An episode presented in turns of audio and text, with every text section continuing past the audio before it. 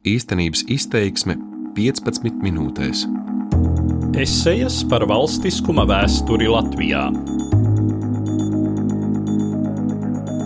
Labdien, godātie klausītāji! Mans vārds ir Ivars Jeps. Es esmu pēc specialitātes eh, politisko ideju vēsturnieks.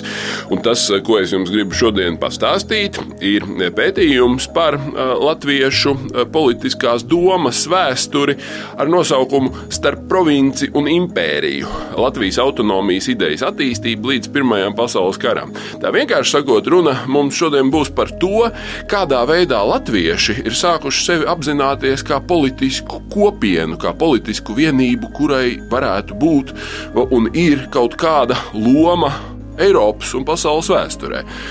Ja mēs paraugāmies uz latviešiem kā tādiem, tad latvieši ir veidojušies kā nācija jau kaut kur vēlīnējos viduslaikos, agrīnējos jaunlaikos, bet tas laiks, kad latvieši sāk apzināties sevi kā tautu ar politiskām tiesībām un politisku uh, statusu, ir uh, apmēram ap 19. gadsimta vidu.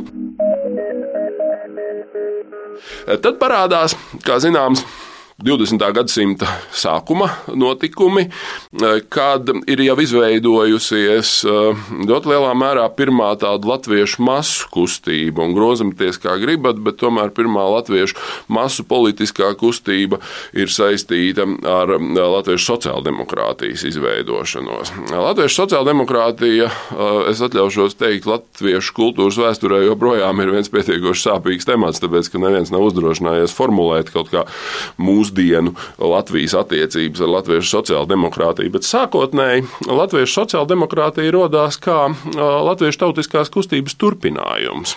Tādā ziņā, ka tie ir tie paši latvieši, tā ir latviešu partija kura nekādā gadījumā nav pret latviešiem. Viņi tikai saka, ka piedošana, ja jūs gribat to latviešu tautu kaut kā emancipēt, atbrīvot, kā saka, iecelt saulītē, ja, tad nevajag vienkārši vākt tikai tautas dziesmas un priecāties par kaut kādu etnogrāfisko mantojumu un iet uz dziesmu svētkiem. Jums ir jārada šai tautai arī modernas sociāla-ekonomiskās attīstības apstākļi. Proti, jums ir jāmobilizējās tautai kā strādniekiem, proti, darba cilvēkiem, kuri cīnās par savām tiesībām, lai viņiem nebūtu jādzīvo, kā to savulaik aprakstīja vienā no saviem tā laika dzējoļiem.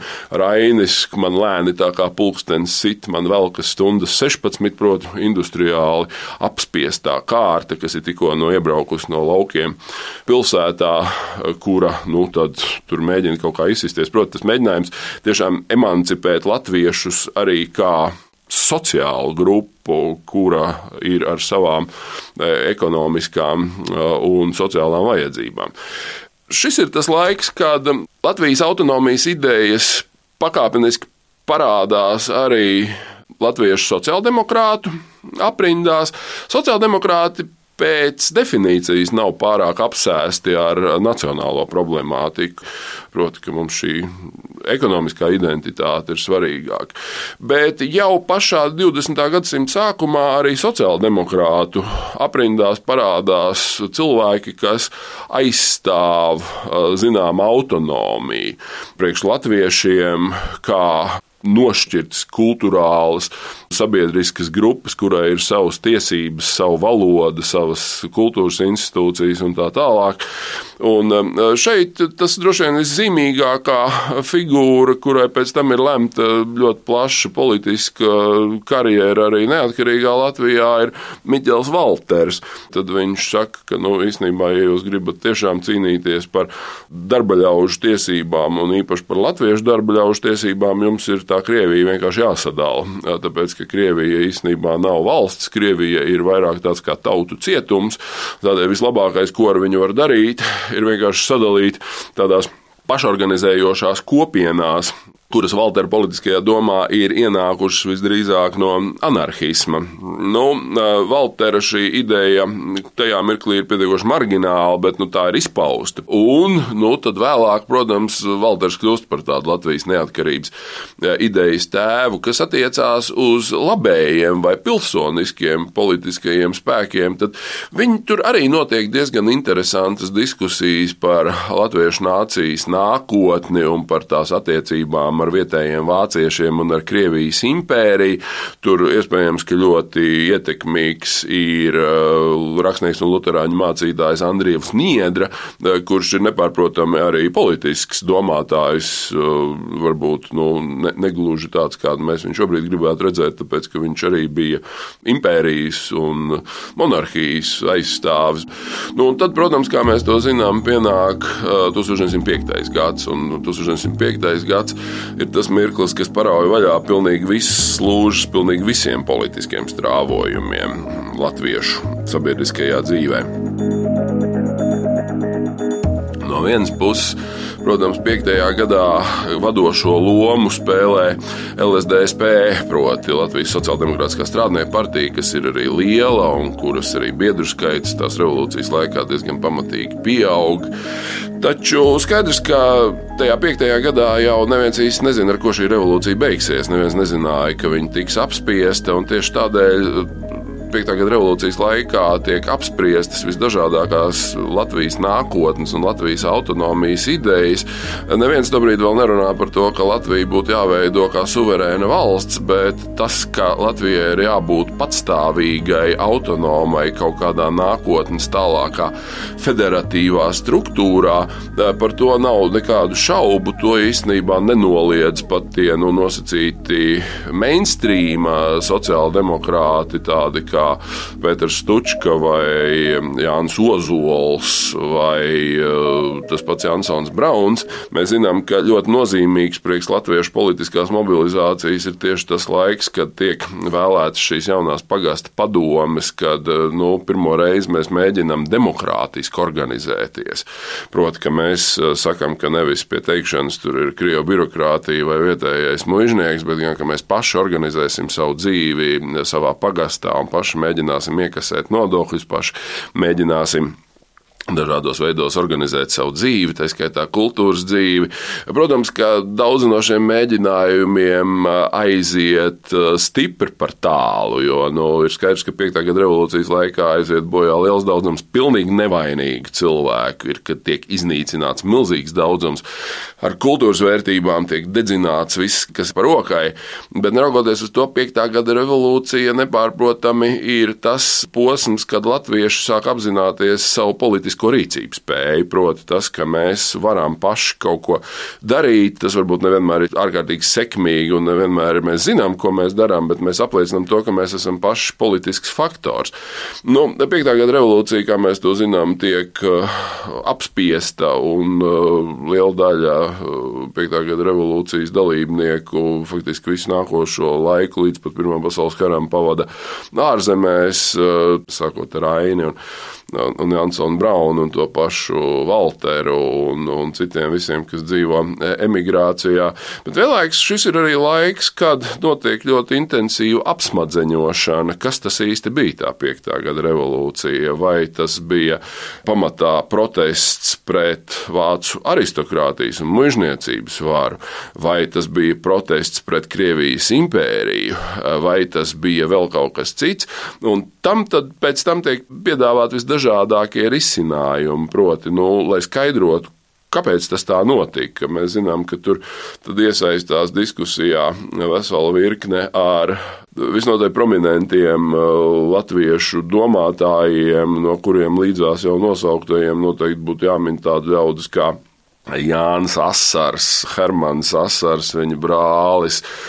Pēters Zālīte, tas pats uh, Andrievs Niedra uh, parādās uz skatuves virkni jaunu tādu, nu mēs šodien viņus sauktu par liberāļiem, uh, no kuriem visredzamākā figūra ir Arvets Bergs. Citiem vārdiem sakot, parādās pēc 5. gada revolūcijas jaunas diskusijas, kurās cits starpā figurēja arī jautājums par Latvijas un latviešu pašnoteikšanos. Šajā laikā neviens nepiedāvā atkal atkal atdalīties no Krievijas, taču figurē ārkārtīgi daudz dažādu Latvijas autonomijas projektu. Daudz no tiem tiek piedāvāti arī oficiālā līmenī. Vienā flangā ir tādi radikālākie piedāvājumi, kuros tiek teikts, ka nu, Latvijai ir jābūt autonomai provincei, kur nodod centra ziņā tikai un vienīgi aizsardzību un ārlietas, bet vispārējais tiek lemts uz vietas. Nu, nu, protams, otra daļa latviešu publikas ir krietni konservatīvāka, un tur, protams, Rīgas Latviešu biedrība vēsturiski pārstāv to ļoti, ļoti konservatīvo flangu.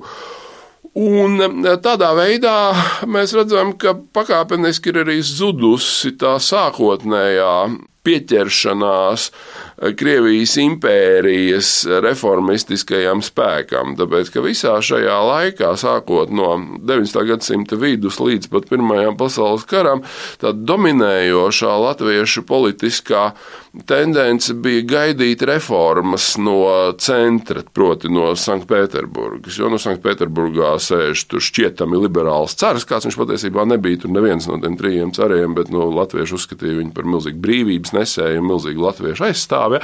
Un te gaidīja, ka šis cars nu, kaut kādā veidā varētu palīdzēt tiem latviešiem apkarot tās vietējās vācu mužniecības hegemonijas. Tā bija tā pamata tendence, kas faktiski neizzuda līdz pat pirmā Pirmam pasaules karam, un uz kuras fona noteikti var tikai saprast, kā tika izveidot un kāpēc tika izveidot Latvijas strēlnieku bataljonu.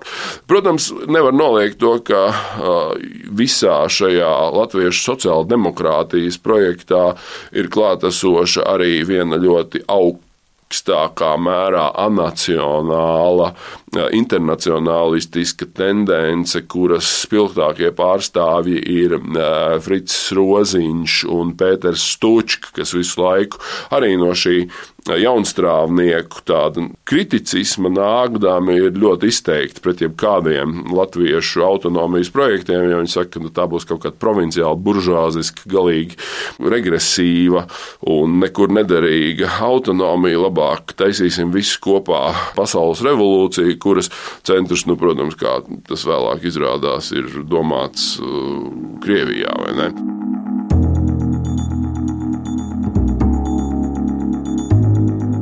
Ir aplami domāt, ka uh, latvieši būtu ļoti izsenis ilgojušies pēc savas suverēnas, neatkarīgas valsts. Šī ideja, līdzīgi kā citām Eiropas tautām, latviešiem parādās no 19. gadsimtā. Viņi parādās samērā vēlu. Ir skaidrs, ka uh, latviešu nacionālisms savos pirmsākumos ir drīzāk kultūrāls nekā politisks. Bet kas ir būtiski, ir tas, ka laika posms līdz Pirmā pasaules kara sākumam iezīmē milzīgu attīstību latviešu politiskajā domā, kurā izkristalizējās Latvijas autonomijas ideja, šī nepieciešamība pašiem lemt par savām kultūrālajām, ekonomiskajām un citām lietām, un arī šī spēja pašiem par sevi atbildēt par to, kas pie mums notiek. Tieši tādēļ, piemēram, 5. gada revolūcija nepārprotami ir pietiekoši liela jautājuma zīme tā laika latviešu kultūrai, kas tas bija. Un tieši tādēļ šis laika posms posms līdz Pirmajam pasaules karam eh, ir joprojām ļoti lielā mērā pētāms. Nevis tādēļ, ka mēs tur mēģinātu saskatīt obligāti kaut kādas suverenitātes iezīmes, jo nevajag vienkārši meklēt. Uh, lietas, kur tur nav.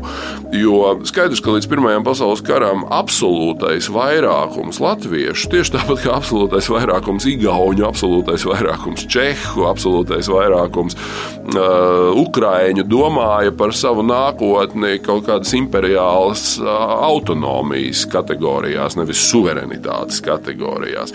Bet skaidrs, ka tā politiskā doma par autonomiju ļoti lielā mērā sagatavoja to suverenitātes aktu, faktu, kurš kļuva iespējams, kad impērijas sabruka. Tas nebūtu bijis iespējams, ja nebūtu šīs piektā gada pieredzes, ja nebūtu sociāldemokrātijas pieredzes, eh, ja nebūtu tās pieredzes, kuru no otras puses piedāvāja arī latviešu pilsoniskās, jeb labējās aprindas Mums ir jāsaprot, ka Latvijas valstiskuma idejas attīstība ir bijis pietiekoši komplicēts vēsturisks process, kas nevienmēr ir bijis vienvirziena, un nevienmēr visi tur ir sapņojuši par to, par ko mums liekas, viņiem vajadzētu būt sapņojušiem. Paldies, ka bijāt ar mums. Šis bija Ivars Ieps, uh, un mēs runājāmies par Latvijas autonomijas idejas attīstību laika posmā līdz Pirmajam pasaules karam.